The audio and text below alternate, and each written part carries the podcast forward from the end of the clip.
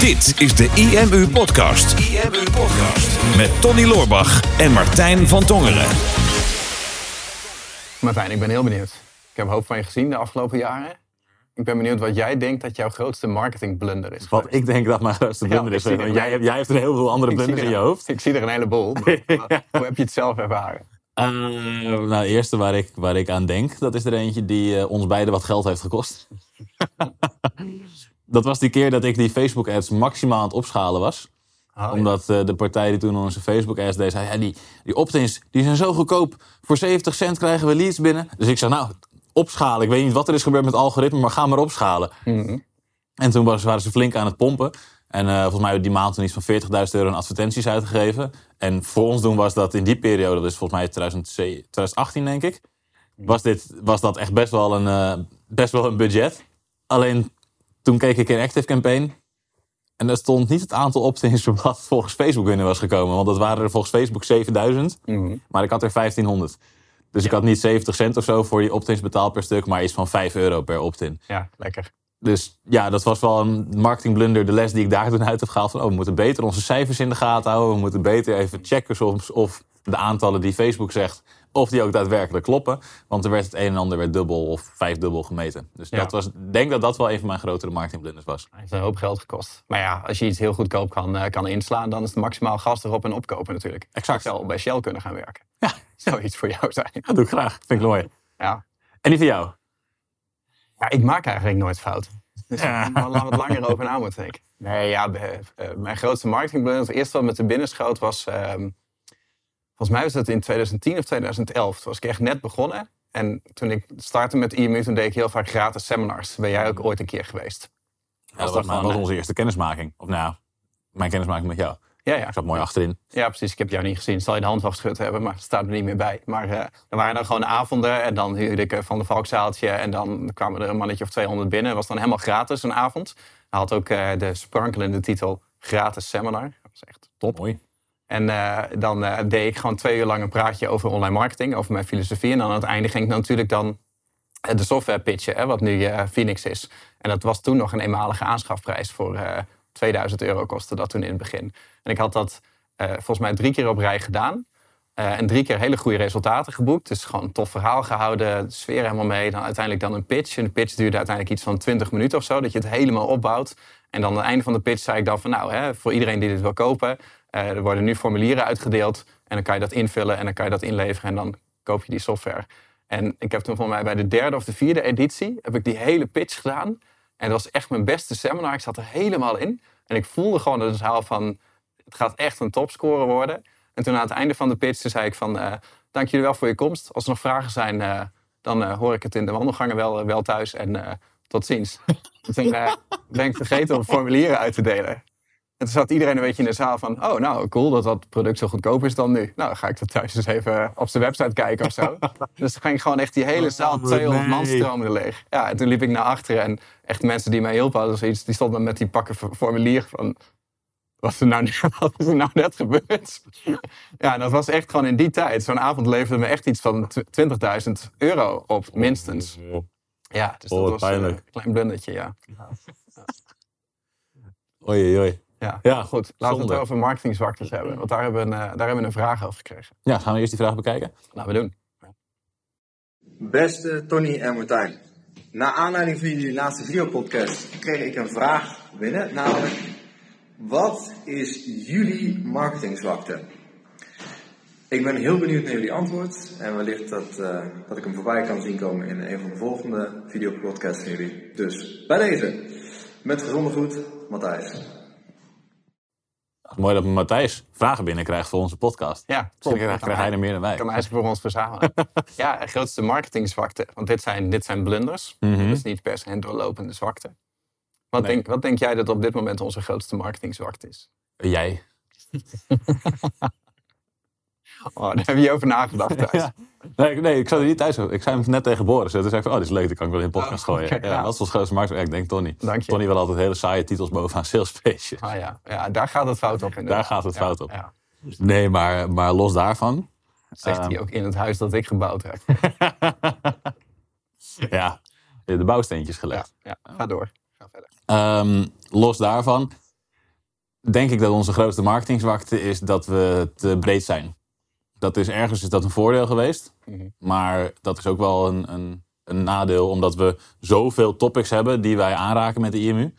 Ehm, we hebben meerdere software tools ontwikkeld. Daar hebben we een bepaalde filosofie bij. Die willen we pluggen. En dat is enerzijds een kracht, omdat ze heel mooi op elkaar aansluiten. Daar hebben we natuurlijk de Tornado-filosofie op gebouwd. Daar hebben we het Tornado-boek voor gemaakt. Zodat als je die filosofie volgt, dat je alle drie die tools gaat gebruiken. Maar als we niet alle drie die tools zouden hebben, maar slechts één van die software tools. Of stel dat we niet de drie tools zouden, maar alleen IMU Plus. Dan zou elke marketingboodschap die we zouden uiten, zou over die, soft- over die specifieke software of over alleen maar IMU Plus gaan. Of alles wat we zouden uiten zou altijd naar één punt leiden. Maar nu hebben wij eigenlijk vier potentiële eindpunten. Waardoor we ja, onze aandacht moeten verspreiden over die vier verschillende tools. En ik denk dat één van die vier veel groter was geweest ehm, dan wat, wat ze nu zijn, omdat we te verspreid zijn. Maar tegelijkertijd, omdat we zo breed zijn en veel massa bereikt hebben, is het ook wel weer een kracht gebleken. Want Plug and Pay is onze nieuwste software tool natuurlijk. Is in 2019 gelanceerd. Heeft het meeste aantal gebruikers. Is supersnel gegroeid door de basis en de achterban die we al hadden. Ja. Dus het is enerzijds een kracht, maar het is ook onze grootste zwakte. Omdat we ja, niet de, de specifieke aandacht en hoeveelheid aandacht aan één ding zouden kunnen geven nu. Of aan het geven zijn, als we zouden willen. Ja, maar het is denk ik heel vaak dat, dat je grootste kracht gepaard gaat met je grootste zwakte. Dat, dat wat je sterk maakt om iets op te starten, dat maakt je heel vaak zwak in het uitbouwen daarvan. Ja. Sommige mensen zijn geboren starters, ze kunnen heel snel van, van niets iets maken. Maar het uitbouwen en het optimaliseren vraagt een hele andere skill dan het opstarten. En dan wordt het je grootste zwakte. Ja. Ook als je onder druk komt te staan, en dan wordt je grootste, nou, sterkt ook je grootste zwakte. Wij de laatste natuurlijk in Curaçao hadden we het hier even over over de verschillen ook tussen ons. Hè, dat ik bijvoorbeeld een heel erg analyserend persoon ben. Nou, Mhm. In rustige tijden is dat een groot voordeel, dat je, dat je analytisch sterk bent. Maar als je onder druk komt te staan, dan wordt analyse wordt overanalyse. Hè? En overanalyse draagt weer een bepaalde druk met zich mee. En er zit een hoop oordeel bij en een hoop stress bij. En dat gaat weer ten koste van je business. En zorgt ervoor dat je geen beslissingen neemt. Hè? Of dat je alles uitstelt. Ja. Bij jou is een voordeel dat jij echt, echt een rammer bent. Hè? Dat je gewoon echt met gas erop gewoon heel, heel veel kan doen. Maar als je onder druk komt te staan en, en het gaat niet meer zo snel als dat je het zou willen, ja, dan gaat je hoofd nog wel snel, maar dan gaat het bedrijf of je lijf, dat gaat niet meer mee. Ja. En daar komt dan weerstand en dan, ja, dan wordt een rammer wordt een drammer, zeg maar. En dus dan ga je aan mensen trekken. Klopt. Eh, in plaats of, en, of ik rol mezelf voorbij. ja, klopt. Te snel, te slordig. Ja, in plaats van dat je de rust hebt, dat je ziet van oké, we zijn dus te druk, we zijn te gejaagd, we kunnen niet meer optimaal presteren. In plaats van dat ik er nog harder aan ga trekken om het toch voor elkaar te krijgen, Mhm. moet je eigenlijk de tegenwoordigheid van geest hebben om eruit te stappen en te zeggen ik ga het makkelijker maken. Hè? Dus ik ga dingen weghalen, Ja. zodat andere mensen beter kunnen functioneren. Eerste, eigenlijk zijn wij. Je weet, we hebben wel zo'n circuitje gedaan, toch? Met fitness. Ja. Dat je dan, dat dan, eh, dat je dan een duo bent. Mhm. En dat ene man een elastiek om zich heeft. Dat ze dan zo naar voren moet rennen. En dat de andere hem zo tegenhoudt. Ja. Dat zijn wij eigenlijk. Ja, klopt. Dan ben ik zo naar voren en dan ben jij wel rustig, rustig. Ik weet nog dat wij dat deden. hè. Dat jij het elastiek bij mij vasthield. Dat ik echt dacht van ik moet echt heel hard van start. Want die gast is echt vetsterk. Dan was jij ook niet helemaal Nee, goed. Ja. Ja, ja, nee, ja, dan moet je elkaar een beetje in tegenhouden. Ja, dus dat met z'n tweeën gaat dat heel goed. Hè, qua, qua tegenpolen, omdat we elkaar daarmee in balans houden. Ik maak een grapje van de headliner. Dat hebben we wel vaker volgens mij gedeeld in de, Mhm. in de podcast. Dat ik de- Ja. dan weer wat te, te marketing, te schreeuwerigachtig ben. En jij het dan weer net iets te saai wil. Dus dat we dan samen tot iets goeds komen. Nou ja, elegant. Ja, jij, noemt het Saai, elegant, jij noemt het elegant. Ja. Hè, maar dan komen we mooi in het midden uit. Alleen nu zijn we een marketingteam aan het opbouwen. En daar hebben we ook wel struggles mee gehad nu. Van, hè, dat, dat, wij zijn de twee marketingkapiteins. Ja. En ehm, dan geven we op twee soorten, twee soorten sturing nu soms aan het team. Ja. Ik zeg van oké, ja, laten we snel een stap zetten. Laten we snel dit online zetten. Gaan we verder kijken. En dan zoom jij ondertussen even uit. Ja, maar dit kunnen we beter niet online zetten. Want we kunnen eerst beter even nadenken over de totale strategie. Voordat we deze dingen gaan, eh, gaan klaarzetten. Ja.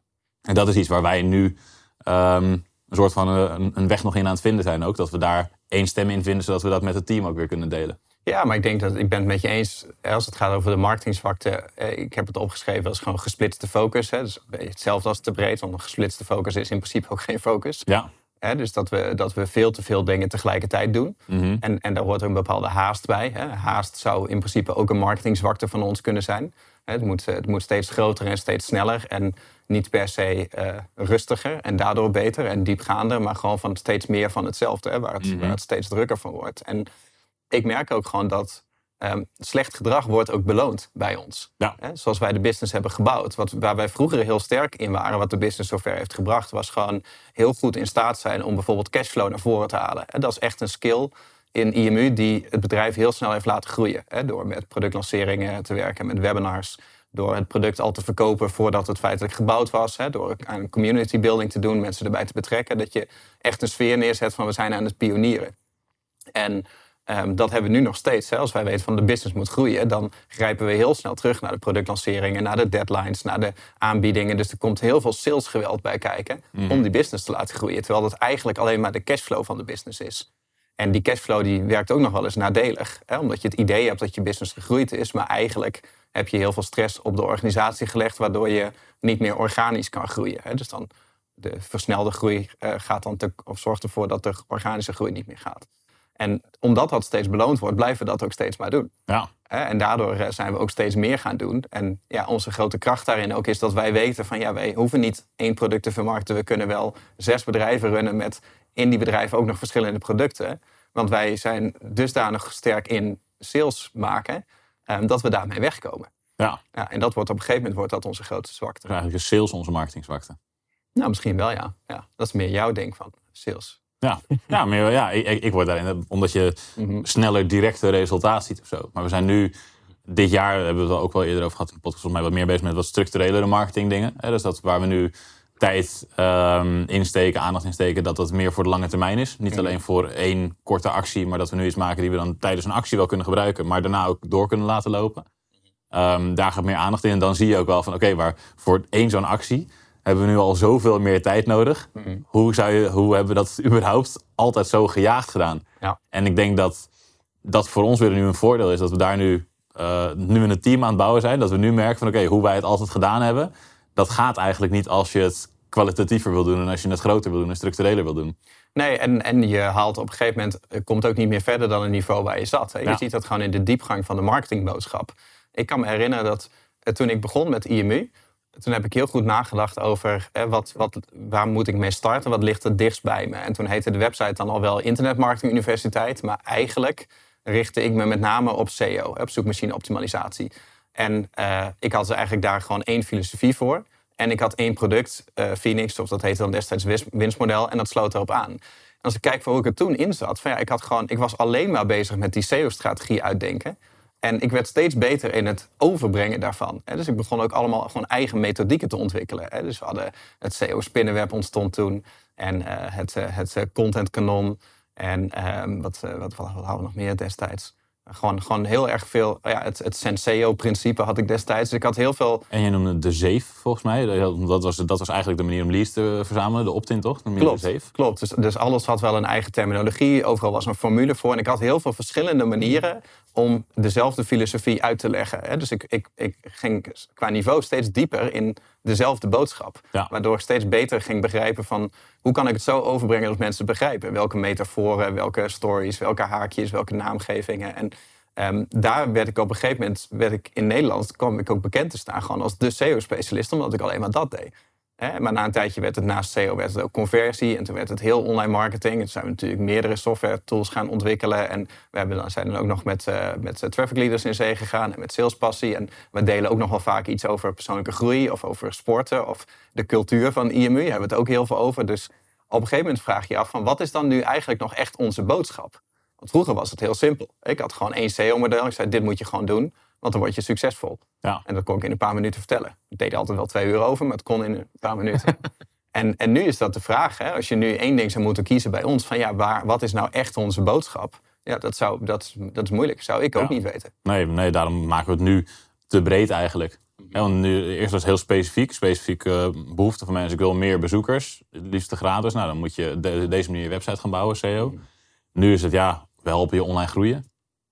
Dat is, dat is ja, het, het is, het is niet zo sexy meer. Ja, iedereen is een moeder, help je tegenwoordig. Ja, daarom. Ja, dus, dus het is moeilijk om het nu specifiek te maken. En per software tool is het nog is het makkelijker. Maar bij bijvoorbeeld een Phoenix is het ook al moeilijk, omdat het best wel een groot systeem is geworden met heel veel verschillende functionaliteiten. En ja, je, je gaat er hoger mee scoren in Google, maar je gaat er ook meer leads mee verzamelen. Je gaat er ook meer klanten mee krijgen. Mhm. je, je hebt een aantal marketingfunctionaliteiten die je op andere systemen niet hebt, waardoor je nog meer resultaat uit die website gaat halen. Dus dan wordt het resultaat uit je website, want ja, dat kan je dan op meerdere manieren uitleggen, maar is ook weer niet specifiek. Nee. En Ehm, bij Huddle heb je, kan je twee kanten op, of het op e-learning of community building gaat. Plug and Pay was eerst alleen betaalpagina en upsells, maar ja, zit ook steeds meer in. Mhm. Eh, daar zitten nu ook meer, eh, dingen in als exit intent, pop-ups, andere boosters. Ehm, we zijn nu bezig met een debiteurenmodule. Dus dat wordt ook ineens een veel groter systeem. Affiliate marketing systeem is eraan toegevoegd. Dus het wordt eigenlijk hoe, hoe beter de tool wordt en hoe meer erin zit, hoe moeilijker het wordt om hem uit te leggen. Dus je wilt eigenlijk de, de boodschap wil je klein en concreet houden. Alleen dat voelt natuurlijk als verlies, omdat we weten hoe vet het allemaal is. Ja, klopt. Nou, dat, dat, dat is natuurlijk niet onmogelijk. Alleen betekent dat wij niet meer in de rol van de marketeer van dat bedrijf zouden moeten zitten. Kijk, voorheen was het heel simpel. Ehm, wij hadden in Nederland een achterban, of hebben nog steeds, van ondernemers die met online marketing bezig zijn. En dat leren wij ze. En wij bouwen een band op met die groep. Dus we hebben een community in Nederland van mensen die zijn of lid of niet, of die volgen de podcast en die bereiken wij.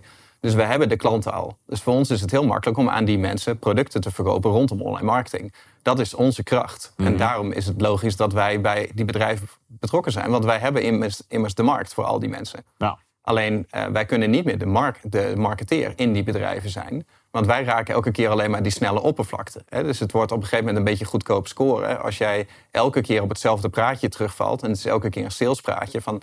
oh ja, plug and pay... ehm, wat is belangrijk? Nou, het gaat om eh, upsells kunnen toevoegen. En als je geen upsells hebt, dan eh, verlies je geld. Nou, dat is lekker eh, salesboodschapje. Dus als we dat maar de hele tijd aangeven, van je loopt geld mis en we doen er een deadline bij, want Plug Pay is nu in de aanbieding, dan blijven wij beloond worden voor dat slechte gedrag en dan groeit de business. Maar toen wij een brainstorm gingen doen natuurlijk met het marketingteam over Plug Pay, van oké, wat kan het allemaal, Plug Pay? Dus wat zijn de functies? Wat zijn de voordelen van die functies? Hoe eh, ervaren klanten die voordelen in gewone mensentaal? En wat voor soort klanten hebben wij? Dus gingen we allemaal klantprofielen maken. Hè? Van de coach, de marketeer, de dienstverlener, de boekhouder, de, de vereniging-eigenaar. Nou, ze hadden heel veel verschillende persona's. En dan zie je als je dat uitwerkt, denk je van wow, er liggen gewoon... eh, je kunt voor elke persona kan je al verschillende campagnes verzinnen om verschillende onderdelen van het product te benoemen. En als je elke keer alleen maar dat hele lange verhaal doet, dan werkt het niet. Dus je moet gewoon daar losse campagnes voor gaan maken. En die campagnes moeten tijdloos zijn. Toen we dat deden, merkten we al van ja, we hebben nu in één brainstorm eigenlijk al voor een jaar aan werk bedacht voor een dedicated marketeer die alleen maar met plug and pay bezig zou zijn. Ja. Of eigenlijk een marketingteam. En dan wordt het ineens heel pijnlijk duidelijk, als we dat dan nog vier of vijf keer zouden moeten doen, en wij zouden uitvoerend daarin moeten zijn, dat dat, dat, dat dus niet kan. Ja. Dus dus ik, ben, ik ben wel blij dat we inmiddels op één lijn zitten, dat we dit probleem zien. Eh, nu moeten we alleen nog bouwen aan een oplossing. Ja, en denk jij dat wij dan op korte termijn per tool of per product een losse marketeer moeten gaan aannemen ook? Want we hebben nu natuurlijk eigenlijk op specialismes hebben we mensen eh, Ja. in het team zitten. Eén iemand die de ads en de statistieken verzorgt. Eén iemand die zorgt voor social media. Eén algemene online marketeer die binnenkort start hè, om de sales pages en de funnels te bouwen. Ehm, iemand die we misschien nog op, op content dan, eh, dan erbij gaan zoeken. Iemand op SEO. Maar dat zijn dan de functies, maar die moet, zullen dat dan alsnog dus voor Ja. vier bedrijven en vier tools moeten doen. Als je dan ziet hoe breed we het al gemaakt hebben. Ja. Nou, voor ons is een marketingteam nu een logische volgende stap. Omdat wij ook altijd allround zijn geweest met z'n tweeën. Nou, Laten we dan nu eens een keer een allround marketingteam bouwen. Maar dan dat mensen dus niet meer alles doen zoals wij in het verleden. Maar dat je alleen nog maar die ene discipline doet. Ja, Een logische volgende stap zou dat zijn inderdaad om per bedrijf een marketingteam te gaan bouwen. ja, Dat, dat, ik denk wel, of ik hoop dat we daar uiteindelijk komen. Stel dat wij nu bijvoorbeeld alleen maar Plug and Pay hadden gehad... en niet IMU en Huddle en Phoenix en, en al die andere dingen... dan was Plug and Pay natuurlijk waarschijnlijk groter geweest... nu dan dat het op dit moment is. Eh, en daar moet je, uiteindelijk moeten we daar, eh, moeten we daar wel naartoe. Maar het is wel, het is wel een leuk proces. best wel vet. hè? Want als je dit dan, dat het gaat dan om vijf rollen. Als je dat een keer vierde, dan zou je dus een marketingteam van 20 man hebben zitten. Ja, maar dat is natuurlijk voor eh, vier bedrijven die allemaal miljoen, ja. miljoenen... Ja. weet je, het, we hadden vorig jaar bijna 6 miljoen omzet. Dat, dat, dat gaat nu echt keihard. Dan is het helemaal niet raar om dat soort mensen erbij te hebben. Betekent alleen gewoon dat wij heel goed na moeten denken over onze rol. En dat maakt het nog wel eens moeilijk. Van, hè, Wij zien ons als marketeers. Maar eigenlijk zijn wij ofwel eigenlijk een beetje de investeerder achter het bedrijf... in plaats van de uitvoerend marketeer in het bedrijf. Want dat kan niet meer. Ja.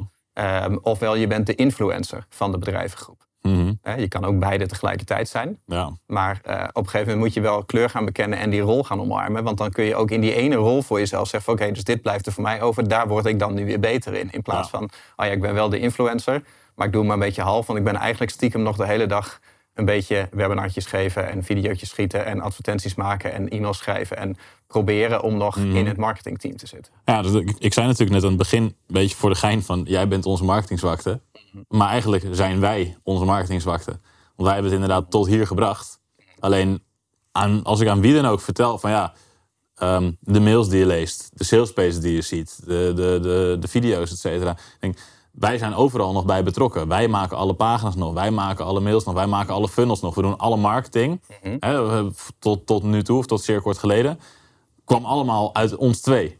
En dat heeft ons tot, inderdaad tot hier gebracht. Maar dat gaat ons no way verder brengen. Maar mensen die dat horen, huh, serieus, doen jullie dat allemaal nog zelf? Waar haal je de tijd vandaan? Ja, dat is inderdaad de vraag. Ja, dat is het probleem. ja. Dat is het probleem, omdat we daardoor te gehaast zijn gaan doen. Omdat we eigenlijk veel te veel op ons bordje hebben liggen. Want naast marketeer, influencer, et cetera, ja, runnen we ook een bedrijf hier natuurlijk. Zijn ook nog projectmanager, eh, product owner bij de software tools. Er, ligt heel veel op het bord. Dus wij zijn onze marketingzwakte. Ja, klopt ja. Nou, ik ben, ben blij dat ik het dan nu niet meer alleen ben. Nee, doen we samen. Ja, precies, ja. Ja, en nou hopen we dat we het ook oplossen. Nou, lijkt het zo alsof het een beetje somber inzien. Uh, ook wel marketing sterkt is, volgens mij. Maar misschien moet, moet iemand dat vragen. Dus Ja. een oproepje. Als je nou zit te kijken, wil je nou ook zo in het, op het scherm komen en een vraag stellen. Het zou heel tof zijn als iemand die vraag ook in zou willen sturen. Wat is jullie grootste marketing sterkte? Want het zou ook wel leuk zijn om, eh, om die kant te delen. Hopen dat we dan een volledige podcast wel kunnen volpraten. We hebben heel veel sterktes. Ja. Hij zit hier ook al, al- allemaal al wel een beetje in. Het gaat ook wel redelijk hand in hand. Ja. Maar ik ben, ik ben benieuwd. En ook wel eh, of eh, mensen zich hierin in herkennen. Ik denk dat dit wel iets is wat, wat menig ondernemer op een gegeven moment tegenkomt. Hè? Dat, dat wat je hier gebracht heeft, dat gaat je daar niet, eh, niet brengen. Dus het voelt voor ons ook wel een beetje als eh, tot hier en niet verder. Tijd voor het volgende niveau. Ja, absoluut.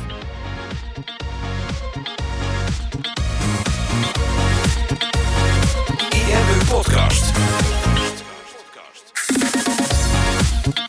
Super tof dat je hebt geluisterd naar de IMU podcast. Ik hoop dat je dit waardevol vond en dat je er inzichten uit hebt kunnen halen voor jezelf en voor je eigen business. Vond je dit nou een waardevolle podcast, dan zouden Tony en ik het heel erg waarderen als je dat zou willen delen. Enerzijds door dat bijvoorbeeld te delen via je eigen Instagram of via LinkedIn. Door een screenshot te maken van je telefoonscherm en ons er even in te taggen. Maar wat we nog meer zouden waarderen is als je de tijd en moeite zou willen nemen om een review achter te laten. Werk je met een Apple-telefoon, dan kan je dat doen binnen je eigen podcast-app door daar een review te geven. Geef ons een x aantal sterren met daarbij een korte motivatie wat je van onze podcast vindt. Zouden we echt enorm waarderen als je die tijd zou willen nemen. En werk je met een Android-telefoon, dan zie je dat, daar, eh, dat de meeste apps geen review-mogelijkheid hebben. Wat we dan heel erg zouden waarderen is als je op Google IMU zou willen intypen en vervolgens via de Google Review-sectie iets zou willen vertellen over de IMU, wat je van ons vindt en wat je aan onze podcast hebt gehad. Alvast heel erg bedankt en ik hoop natuurlijk dat we je volgende week weer mogen verblijden met een volgende aflevering van de IMU Podcast.